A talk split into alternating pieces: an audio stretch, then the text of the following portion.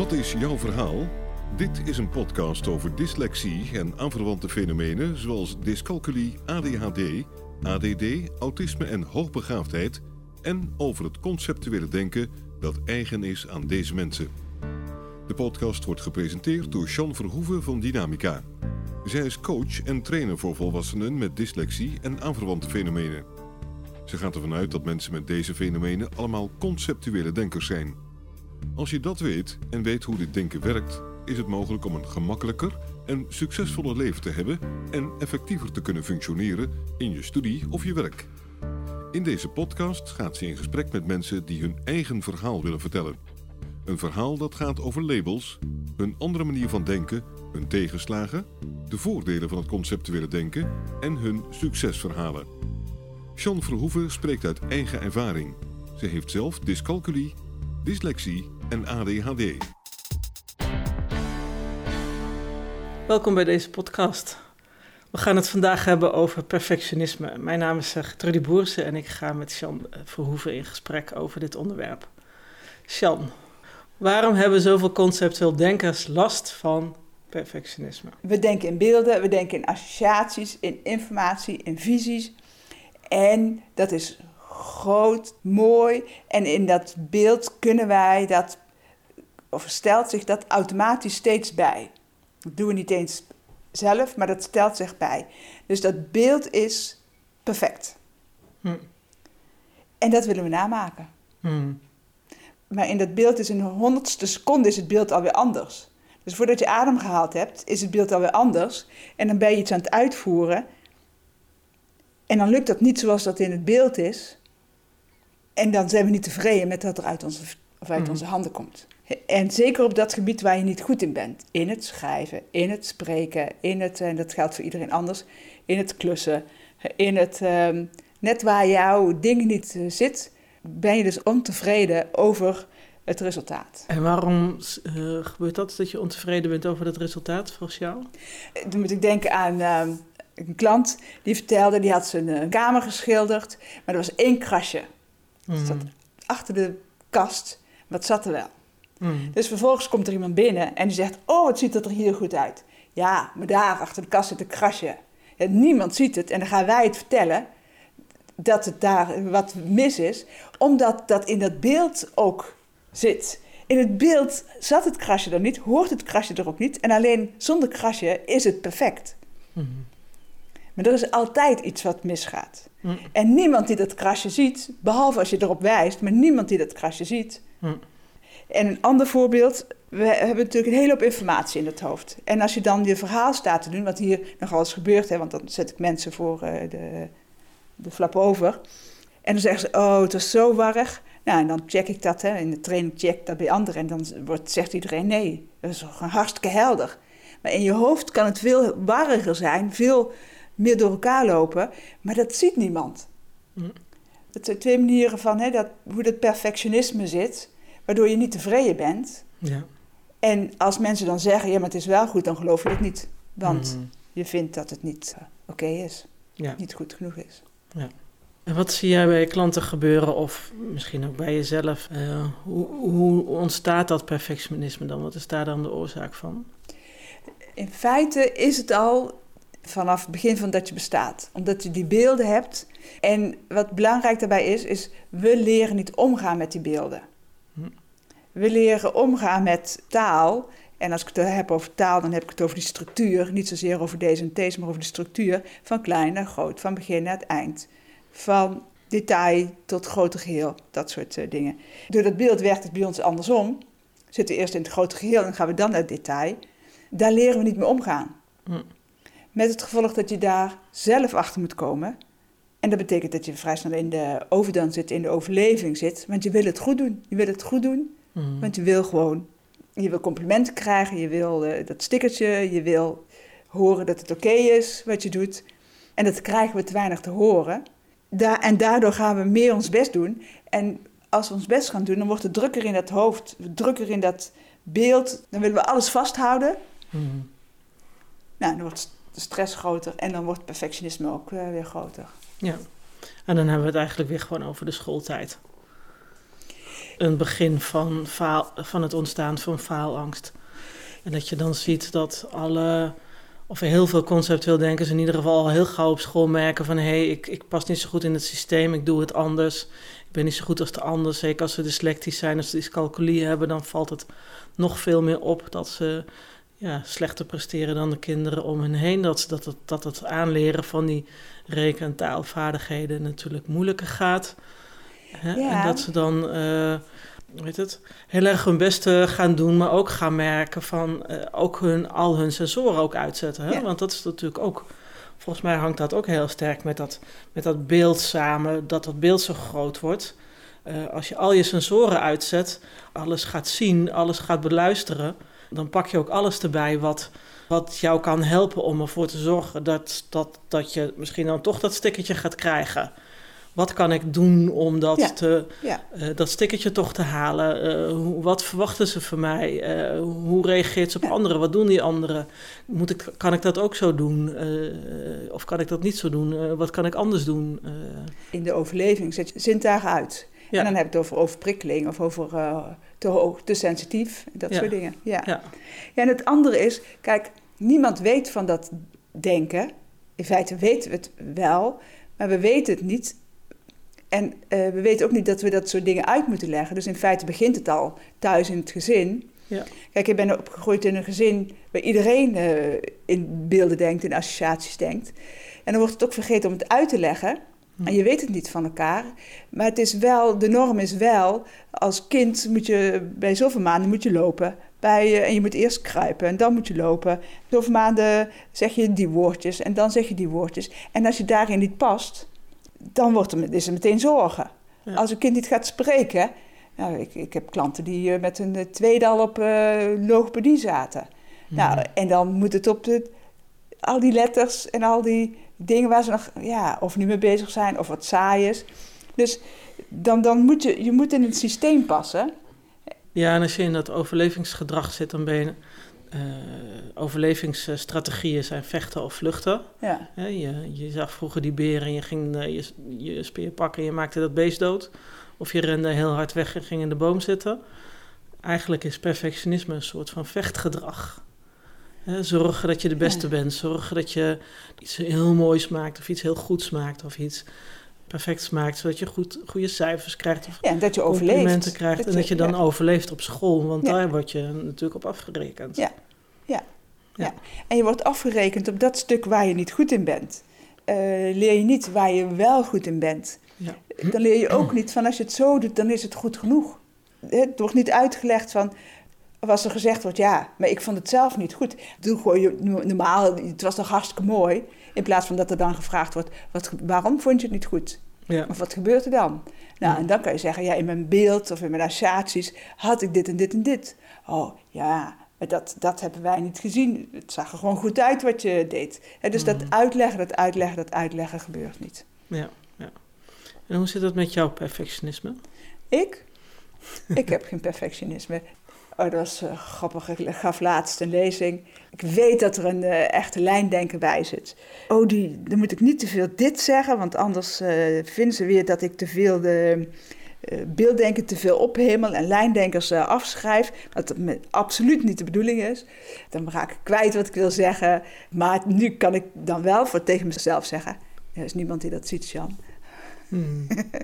en ik kan doorpraten. Ik ga niet meer mopperen op mezelf. Hmm.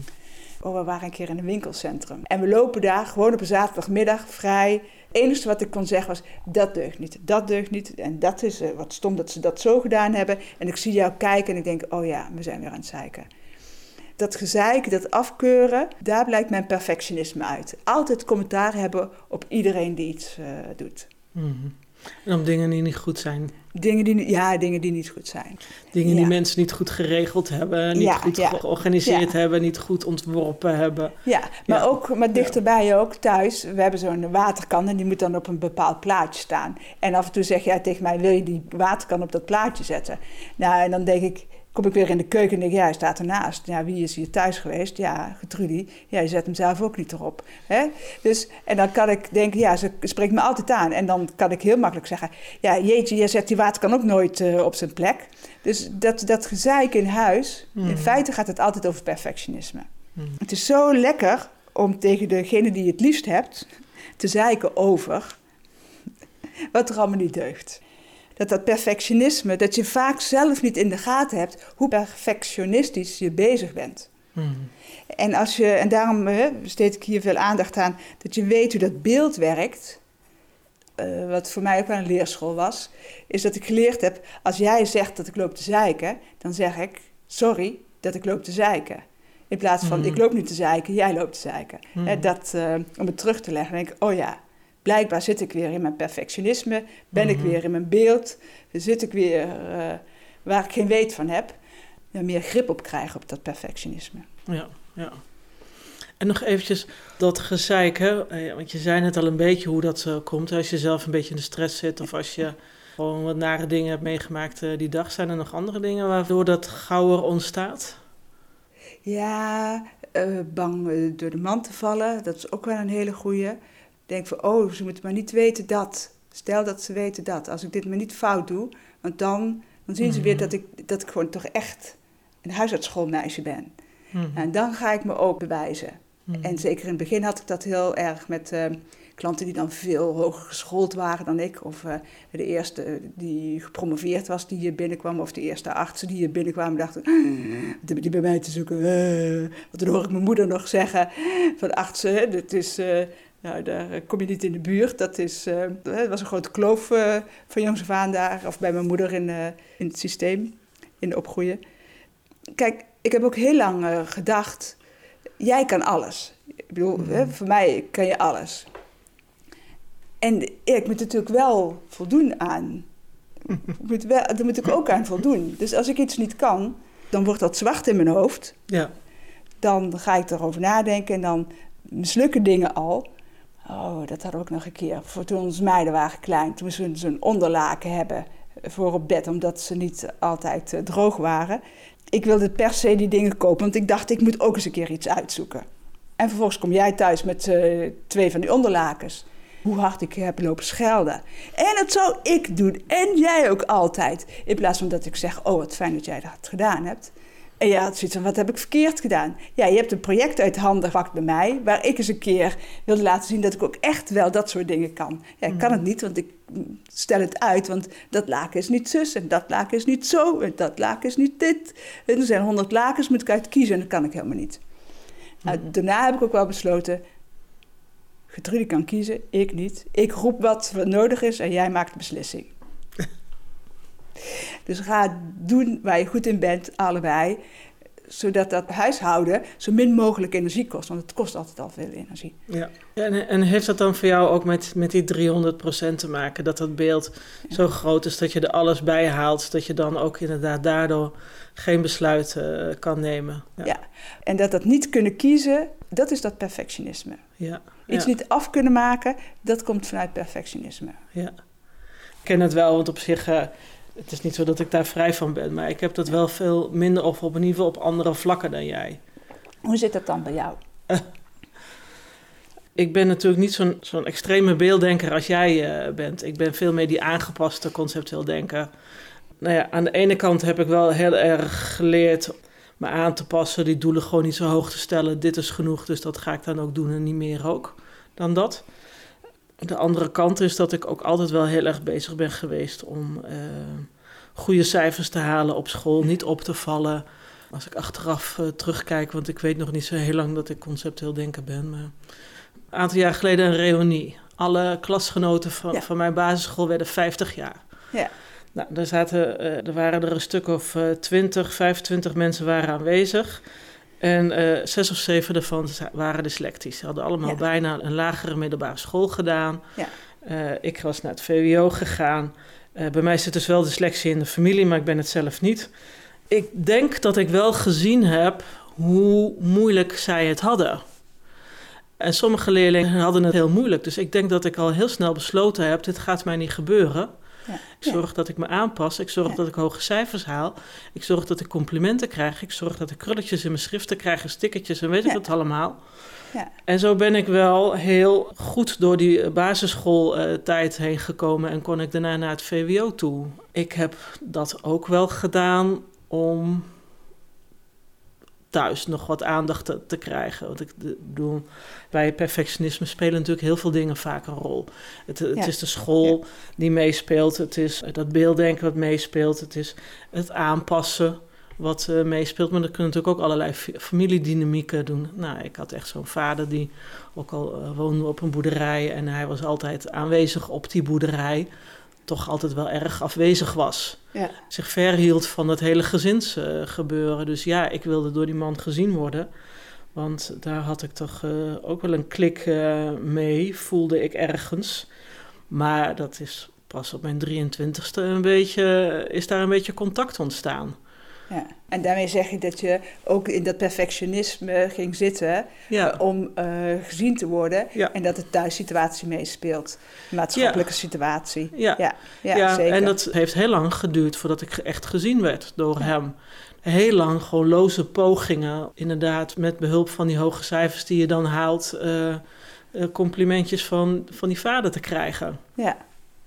Ja, en, het is wel grappig, want wat ik dan eh, ook zo hier zie en ook thuis zie, is eh, als er iets moet gebeuren, dat moet dan ook meteen. Ja, En dan zeg ik, kunnen we er ook nog even over nadenken? Nee, het moet meteen. ja. In hoeverre is dat perfectionisme? Nou, dat is wel grappig, want als je dat zo zegt, moet ik gelijk aan mijn moeder denken. Want mijn moeder is er ook zo eentje. Ja, ja, ja, absoluut. Ik denk dat Ja. mijn moeder wel echt een ADHD'er is als je haar een label zou geven. En op zich heeft ze dat zelf ook wel eens gezegd, Ja, omdat ze zich erin herkent. absoluut. En ik heb dat label verder niet en ik hoef dat label ook niet te hebben. Ik wil dat label ook helemaal niet hebben, maar ik herken daar zeker wel kenmerken van. Je hebt een label ook niet nodig. Nee. Het, soms, het- soms is een label handig, hè? maar het is een andere discussie. Maar in ieder geval wel, eh, eh, ik herken wel dat dan moet dat inderdaad meteen, want Ja. dan heb ik ook gewoon meteen een beeld. Ja, Ik heb meteen een beeld van zo ziet het er dan uit en dan denk ik van oh, nou dan weet ik hoe het moet. Nou, Ja. dan gaan we het gelijk doen. ja, Ja, dus, dus het, het, daar speelt zeker een beeld in mee. ja. Ja. En, en dat is dan ook weer leuk, moet ik dan aan denken. En zeker vroeger met, eh, toen de mijnen nog wat klein waren. Dan gingen we fietsen bijvoorbeeld, of naar buiten. Ja. En dan eh, bedacht jij nu, dat gaan we nu doen. Nu Ja. is het mooi weer, nu moet het. Nou, die meiden moesten er nog even aan wennen. En dan moest ik ook eraan wennen, want mijn tas, tas ingepakt worden. En die moest wel perfect. ja. Want er moest water mee, moest dit mee, moest dat mee. Wc-papier, zakje mee, zus mee, dat mee. Vanuit jouw perfectie gaan we hup meteen eh, actie. En vanuit mijn perfectie ga Zijn ik we op de goed rem. voorbereid? Ga, ga ik op, maar dan ga ik op de rem eh, staan. Ja. Waardoor ook weer die spanning kan eh Ja. Groeien. Ja, dan vind ik dat je niet Ja. opschiet. Ja, want jij vindt dat ik niet opschiet. Ik vind dat jij te snel gaat. Ja. En ondertussen moeten die meiden ook nog eh, iets. Ja. Ja. Dus dat is ook zo'n mooie die ik wel vaker eh, hoor eh, hè, binnen relaties of Ja. binnen collega's ook wel. Dat de, ding, de een schiet niet op en de ander is te langzaam. En dat dat beide vanuit perfectionisme kan zijn. Vanuit het goed willen doen. Ja. Vanuit het beeld. Ja. Want iedereen heeft een eigen beeld. Ja. Want dat is ook wel zo'n vergissing. Hè, dat ze zeggen, oh ja, beelddenkers. Oh, dus die denken zo. Ja, dus dan doen we er een plaatje bij. Dan eh, hebben ze allemaal eh, voorzien. Mhm. En dan denk ik, eh, eh, eh, eh, dat is mijn olifant niet. Dus dan eh, snap ik het nog niet of kan ik nog niet in mee. Of dan zit ik alsnog in de verveling of in, met mijn hak in het zand Mhm. of in de overdaan. Ja. ja. Wat is volgens jou perfectionisme? Eh, als je dat vraagt, dan je wat klanten denken. En eh, wat ik vaak te horen krijg, is dat mensen zo'n last hebben van... eh, dan willen, we iets, willen ze iets doen en dan gaat het lekker. Bijvoorbeeld een optreden doen, een, een discussie leiden. Nou, en dan zijn ze helemaal scherp en dan gaat het helemaal perfect. En vervolgens, de volgende dag hebben ze ook weer een vergadering en dan komen ze helemaal niet uit hun woorden. Mhm. En dan denken ze, dat is vervelend en dat is irritant, dus ik heb niet genoeg energie en ik kan het maar af en toe. En dan worden ze, hè, worden ze er bijna depressief van. Want wat, wat willen ze dan? Dat is gewoon altijd helemaal scherp zijn en zo'n vrij ingewikkelde discussie Mm. eh, leiden. Mm. Of feestje zijn en dan eh, helemaal vrolijk zijn met iedereen kunnen kletsen en met iedereen contact kunnen leggen. En de volgende en drie dagen later eh, zitten ze bij dezelfde mensen, maar dan zijn ze minder vrolijk, minder attent. Nou, en dan is dat meteen zo, oh, zien we, oh, wat zullen ze wel niet denken dat ik me aangesteld heb of eh, dat ik maar af en toe gezellig kan zijn. Wat we dan doen, wat ik zie wat er gebeurd is, op het moment dat we op zo'n podium staan en helemaal, nou, dan zitten we in die 300 procent. Mm. En als je dat in die 300% zit, dan moet je ook weer tot rust komen. En dat betekent dat die volgende vergadering dus iets minder goed gaat. Of Ja. dat je iets minder uit de woorden komt. Maar dat is niet erg, want je hebt net geschitterd. Ja. Dat betekent niet dat we de hele dag moeten schitteren. En ook niet kunnen schitteren, want dat kan ons fysiek, lichaam fysiek helemaal niet aan. Precies, dus we moeten afkicken. Het idee is, want de ander kan dat wel, maar we zien niet van die ander hoe hard die neerstorten of hoe gemakkelijk zij iets doen of niet iets doen. Maar dan hebben we het beeld, oh mensen hebben me daar gezien, dus ze moeten, zo moet ik altijd zijn. Ja, Merk ook vooral veel jonge mensen die hier last van hebben. ja, En dan denk ik, hè, we weten steeds meer over dat beelddenken, dyslectisch zijn, ADHD, eh, hoogbegaafdheid. Maar het wordt nog steeds niet uitgelegd dat we niet altijd in die eh hoera-stand hoeven te zijn. En ook niet kunnen zijn. En niet kunnen zijn, ja. Ja, En dat het dus, zwaar ongezond is ook. Komt dat beeld weer. Ja, maar dat, is, dat onthouden we. Ja. Altijd dat zijn. Ja, Ja, of, en we onthouden ook, het uitgeteld op de bank eh, liggen. ja, Maar dat mag niet, want dan doen we niks. ja, En die volop stand, die 300% noemen wij dat dan, altijd in die 300% leven. En het is natuurlijk ook lekker, want het is ook lekker als je, het is die adrenaline en het is eh, cortisol, eh, die, die hormoonhuishouding, eh, die aandacht. eh, Mm. En dat leren we dus ook niet, dat afkicken ondertussen. Mm. Dan op de bank zitten, een dag niks doen, ja, dat dat heel erg fout is. Dat leren we. Ja, dat leren we. En Ja. dat is in ieder geval de overtuiging bij, eh, bij ons. Ja, soort mensen. Ja. En zeker, want dat zijn optreden gaat dan ook over taal en structuur. Daarom Mm. kost het bij ons weer meer energie dan. Want dan moeten we weten wat we gaan zeggen. eh, die structuur moeten we vasthouden. En dingen die zo gemakkelijk gaan bij ons. maar dan heb je het vooral over mensen met dyslexie. Er zullen mensen met hoogbegaafdheid of ADHD zijn eh, die dat veel minder eh, hebben. Nee, nee, dat is ook, want het gaat over de structuur. Over, over onthouden wat je gaat zeggen. Dat beeld wat erbij hoort, dat draait ook gewoon door. Dus het kan zijn dat je iets voorbereid hebt en vervolgens is het zover. En dan kan het toets zijn, het kan een spreekbeurt zijn, vergadering zijn. En dan denk je, ja, ik heb het voorbereid, maar dan weet je niet waar je moet beginnen. Of dan begin je toch weer in het midden en zegt iedereen, ja, eh, maar waar heb je het over? Hebben we het voorbereid, maar ja, dat is een half uur geleden of een dag geleden. En dan is dat in dat beeld alweer vertrokken. Mm. Plus dat je eh, daar ook weer het idee bij hebt. Dan moet het precies zo gaan en dan moet ik precies dat zeggen. En dan eh, moet ik met zo al die energie er staan. En daar hebben we allemaal last van. Ja, en zeker ook mensen met ADHD, ADD, hoogbegaafdheid. Want ook dat is puur allemaal beeld. En daar Mhm. zit ook overal heel veel stress op. Ja. Je zegt wel eens, eh, verveling is het grootste kwaad voor conceptueel denkers. Maar hoe leidt dat nou tot perfectionisme? We willen leren. Leren is iets nieuws, leren.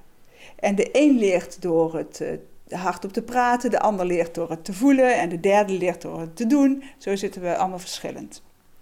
Bij het leren, als we iets horen, iets zien, dan komt er een beeld bij, automatisch. Als er dan vervolgens het drie keer herhaald wordt, nou, in je beeld heb je het al gezien, en vervolgens denk je, ja, oefenen hoef ik niet, want het beeld is er al. Dan wordt het nog drie keer herhaald in de klas. Je moet er een boek over lezen. Er wordt een kleine toets over, een grotere toets en vervolgens een eindexamen. Moet je het allemaal nog een keer doen. Vijf keer hetzelfde, maar niks nieuws. Hmm. En dat brein wil steeds iets nieuws. Hmm. Dus die gaat perfectioneren en dan zit je op een toets en dan denk je, oh, nou ga ik neerschrijven wat ik ondertussen geleerd heb. Nou, en dan is dat eh, iets waar, waar niet naar gevraagd wordt. Hmm. En dan eh, krijg je alweer drie punten aftrek omdat je niet schrijft wat er eh, gevraagd wordt, ook al weet je het allemaal. Hmm. Nou, En dat wordt weer niet uitgelegd, dat kan je niet handelen. En dan is het heel gemakkelijk om te denken, het zal wel aan mij liggen. Ik zal het wel niet goed gedaan hebben. Dan gaat het beeld zich perfectioneren weer. Die gaat zoeken naar nieuwe dingen. Maar die nieuwe dingen worden niet gevraagd. Hmm. Ja. Dat. Ja. Wat voor negatieve dingen zie je nog meer eh, als gevolg van perfectionisme? Ja. Dat mensen een slecht zelfbeeld hebben. Dat mensen ongelukkig zijn. Dat ze depressief worden.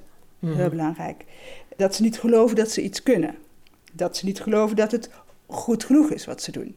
Hm. Dat ze denken dat ze te langzaam zijn. Dat ze eh, niet oké zijn. Eh, het niet kunnen beginnen aan iets. Dingen niet af kunnen maken. Want hoe werkt dat dan? Want in je hoofd is het perfect en het is nog niet perfect genoeg. Dus niet komen tot het uitvoeren, tot die stapjes te ondernemen Mhm. om dat beeld te maken, na te maken. Hm. Als ik, hè, ik, maak graag mijn eigen jurk, dat patroon moet nog wel aangepast worden. In die lap stof zo gedaan heb, er zit een Mhm. heel grote stap tussen. Mhm. Nou, laat ik maar weer liggen, ga ik iets anders doen. Ga ik eh, thee drinken, koekjes eten. Is veel makkelijker. Ja. Maar dat is niet wat ik wil. Maar ja, omdat ik niet weet hoe ik die volgende stap moet nemen, ga ik dingen doen eh, ja, die ik eigenlijk niet, eh, liever niet doe, maar wel makkelijker zijn. Dat je niet doet wat er van je verwacht wordt, of dat het, nooit, dat het niet klopt, wat mensen van je verwachten. Ik zie je moeilijk kijken. Ja, wat bedoel je daar precies mee? Ehm, met dat perfectionisme, dan, dan, dan wil je het kei goed doen. Met het perfectionisme wil je het heel goed doen. Net dat beeld volgen. Maar dat kan- dan zit ook weer die overdone in. En dan kan het zijn dat je in feite net dat vertelt wat niet interessant is. Of dat je iets weglaat wat ze juist willen weten. Dus waardoor het moeilijk is om aan verwachtingen te voldoen. Hm. En vervolgens zien we dat weer, of gaan we daarover nadenken, gaan we het niet checken, gaan we erover nadenken. Waardoor ook weer eh het zelfbeeld ver- verslechtert, depressief kan worden en dat soort dingen. Mhm. En wat belangrijk is, is dat we vaak niet weten wat er verwacht wordt, omdat we ervan uitgaan dat iedereen hetzelfde beeld heeft, dat Mhm. iedereen dezelfde verwachtingen heeft. Mhm. Ja, ik moet ineens denken aan eh, mijn scriptie die ik ooit voor mijn HBO eh, Oh ja. heb geschreven. Ik heb twee scripties geschreven, want voor de eerste had ik er vier, de tweede en acht. Maar die eerste scriptie, kan ik me nog eh, goed herinneren dat ik wilde heel graag een scriptie schrijven die indruk zou maken in Ja. het werkveld. Ja, Dus ik eh, wilde in de psychiatrie gaan werken. En nou, dat moest een scriptie zijn die daarin van toepassing was, waarmee ik eh, gewoon mooie sier kon maken. Eh, dus ik ging heel erg mijn best doen. Ik heb gewoon drie grote onderwerpen op dat werkvlak Ja. bij elkaar gepakt. En die wilde ik in één scriptie bij elkaar brengen. En dat lukte natuurlijk niet. Nee. nee, Dus daarom kreeg ik er vier. ja, En aan het eind ervan was ik ook gewoon echt overspannen. Zat ik met huilens toe, toe eh, die scriptie te schrijven. Had ik nog verlenging aangevraagd. Kreeg ik ook. Want ik zat nog in een schoolbestuur. In ieder geval, ik was gewoon kapot ja, aan Ja. het einde van die periode. En het grappige was dat ik toen ik een scriptie ging schrijven over een onderwerp wat mij aan het hart lag. ja, Wat ik leuk vond, waar ik het al eerder op school een keertje over had gehad, wat helemaal niet van belang was voor mijn latere beroepsloopbaan. Behalve dan dat ik vond dat, dat ergotherapeuten eh, veel te weinig te zeggen hebben. Eh, eh, nou ja, daar heb ik mijn onderwerp over gedaan. Hoeveel macht Ja. hebben we nou eigenlijk? Ja.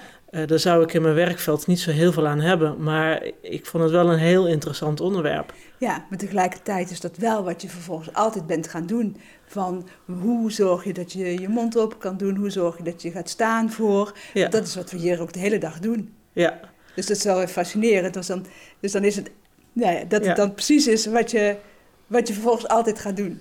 ja, op een heel ander niveau.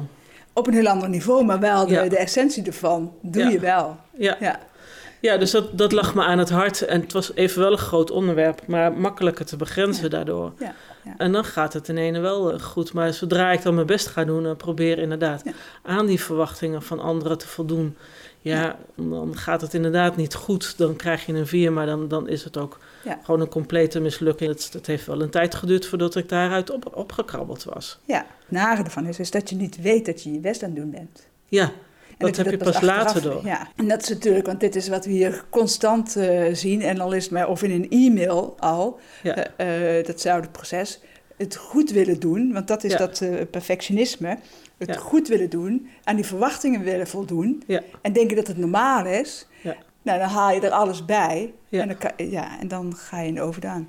Je zegt net dat beeld, daar komt dat beeld weer in, dus dan gaan we weer naar die 300% Wat, wat zeg jij nou tegen klanten als je dat, hoe kan je dat beeld van 300 naar 80 brengen? Hè? Dus dan heb je een 8. Ja. Wat belangrijk is, is dat je eerst accepteert dat je dus in de overdaan zit. Hmm. Want dan pas kan je handvaten aangereikt krijgen. Ja. Accepteert, gaat voelen, gaat zien dat het te veel van het goede is. Dat je die Mercedes wilt in plaats van een Fiat Panda. We weten allemaal dat je niet in z'n vijf de berg op moet rijden. Ja, Of je nou auto kan rijden of niet, dat weet je dat het niet gezond is. Dat dat ook niet auto. lukt. Dat dat, maar dat het, die auto, ook al heb je een Mercedes, je kan met een Mercedes niet in zijn vijf de berg op. Dat moet in zijn één of in zijn twee. Hm. En wij gaan in die vijf de berg op. Ja. Constant. Hm. Het andere wat ik hier vaak zie is dat mensen zich verontschuldigen. Mhm. Heel veel sorry zeggen of eh, ja, het is wel een gekke vraag hè. Of ehm dit is misschien niet zo interessant. Hè. Belangrijk dat je ziet dat je dat doet. Want dan ben je al aan het verontschuldigen dat het niet goed genoeg is wat je doet. Ja. En dan, terwijl je al in de overdaan zit. Wat belangrijk is, is dat je weet eh, wat je de hele tijd tegen jezelf zegt. Oh, ik ben langzaam. Oh, wat zullen ze wel niet denken? Oh, ze zullen wel denken dit. Ze zullen wel denken dat. Oh, kan ik dit wel? Oh, eh, snap ik eh, dit wel? Oh, kan ik dit wel volgen? Nou, dat je weet, dus het gaat er veel meer over dat je weet wat je de hele tijd aan tegen jezelf aan het zeggen bent en wat je van jezelf vindt. Mhm. En vervolgens dat je gaat kijken, waar komt dat vandaan? Komt het van thuis? Komt Mhm. het eh, van school? Komt het van andere nare situatie die je meegemaakt hebt? Dan is het ook nog hoeveelste kind bij je in, in het gezin. Is er iemand die erger dyslectisch is of minder erg dyslectisch of, of beter hè, of meer aandacht krijgt? eh, dat soort eh, dingen. En dan is het volgens mij ook nog belangrijk dat je gaat zeggen van, tegen jezelf van... oké, Ja, ik, ik, ik ben niet langzaam, ik ben gewoon zorgvuldig. Eh, het hoeft niet sneller, ik mag gewoon de tijd nemen. Ja. Ik ben goed zoals ik ben. ja, ik ben niet lastig, ik, Ja. ik ben oké, ik vraag niet te veel aandacht, ik mag zijn. Ja. Ja. En vervolgens gaan we kijken van hey, welke overtuiging heb je? Om te weten waar die vandaan komt en te kijken is die overtuiging nog interessant voor je? Is het echt Mhm. nog nodig om steeds tegen jezelf te zeggen dat je niet deugt, dat je niet oké bent, dat je iets niet kan, dat je iets niet weet? Mhm. Want als je dat daar naar kan kijken, dan kan je gaan kijken en dan kan ik je ook laten voelen van hé, hey, oh ja, dit is nou 80%. Dan hoor ik vaak ook, oh, nou, en dan zien mensen hoe hard ze aan het werk zijn. Ja. Dus om te laten vo- voelen wanneer je wel in die rust zit. Ja. Nou, en daar haal ik, eh, verzin ik van alles op tot ik dat eh, hier bereik. Zodat er een, een anker is, eh, zodat, dus dat je een anker hebt waar een houvast hebt van, oh, dat is er ook en ik kan dat zelf. Ja, ja. En de andere kant is ook, hard werken is erg lekker.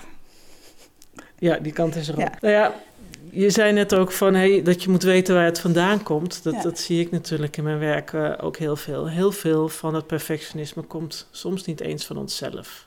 Zeker als je ouders hebt die ook conceptueel denken zijn en heel erg hard hun best zijn gaan doen, dan ga je dat als kind eh, ook vaak eh, doen. Want dat is een manier om te overleven. Ja. Dat heb je gezien, want zij zijn daardoor heel ver gekomen. En het klopt je. Ja. Je bouwt daar vaak ook heel veel doorzettingsvermogen mee op. Ja. Eh, maar dan is het ook gewoon goed om te kijken van als je kijkt van hé, hey, waar komt het vandaan? Eh, doe ik hetzelfde als mijn vader of als mijn moeder? Of doe ik het voor de juf of voor de meester? Dus als je hebt ontdekt van, van waar het vandaan komt, ge- geef het alsjeblieft terug aan die mensen. Nou, daar hebben we een mooie oefening voor. Dat voert nu te ver om het daarover te hebben, die oefening. Wat ik Ja. daarin vind, wat belangrijk is, en wat is dat mensen die, die hier naar luisteren gaan kijken van hé, hey, hoe hard werk ik? Welke overtuiging heb ik? Ja. En hoe vaak zeg ik oh, eh, tegen, oh wat stom, oh, oh wat gek, oh wat dit. En dat je met eh, eh, je partner of met je, desnoods met je kind of met je, de buren, met iemand die je vertrouwt, is gaat kijken van, om elkaar eens aan te spreken van, oh hoor je dat wat je zegt? Eh, ik, zeg, ik roep je dan de hele dag, wat zeg je? Sorry, wat zeg je? Sorry. oh ja, sorry. Hè? Nou, die. Dus dat je daar erop liefdevol erop wijst van hoe vaak je je verontschuldigt. Ja, ja. Want dan, dat is dan een hele grote stap als je hem weet, als je het al toe kan geven, ik zit in perfectionisme. Ja. En dat je dan vervolgens kan zeggen, ik ben oké, ik eh, mag de tijd nemen, ik, eh, het hoeft vandaag niet af. Ik eh, maak het gewoon even simpel af. Dat is de andere kant, ik mag er zijn. Ja. Met alles wat erbij is, ik mag er zijn. Volgens mij is dat een heel mooi einde van deze podcast. Dank jullie wel voor het luisteren en tot de volgende keer. Tot de volgende keer. Wil je reageren op deze podcast of heb je vragen? Stuur dan een mail naar podcast.dynamica.nl. De reacties zullen worden meegenomen in volgende podcasts. John Verhoeven geeft coaching, workshops en trainingen. Wil je meer informatie? Kijk dan op www.werkendyslexie.nl of www.geniaaloprechts.nl of bel 020 639 1099 020 639 1099. Jean Verhoeven heeft twee boeken geschreven over dyslexie, Slimmer dan je baas en Dyslexie, Stoornis of Intelligentie. Deze boeken zijn te koop in elke boekhandel. Stuur de podcast door naar iedereen waarvan je vindt dat ze meer zouden moeten weten over dyslexie, ADHD, ADD, dyslexie, dyscalculie, autisme en hoogbegaafdheid en het conceptuele denken. Deze podcast is gemaakt in samenwerking met Marcel de Hoog van Storytelling Media. Hij verzorgt de technische, redactionele en morele ondersteuning. Tot de volgende aflevering.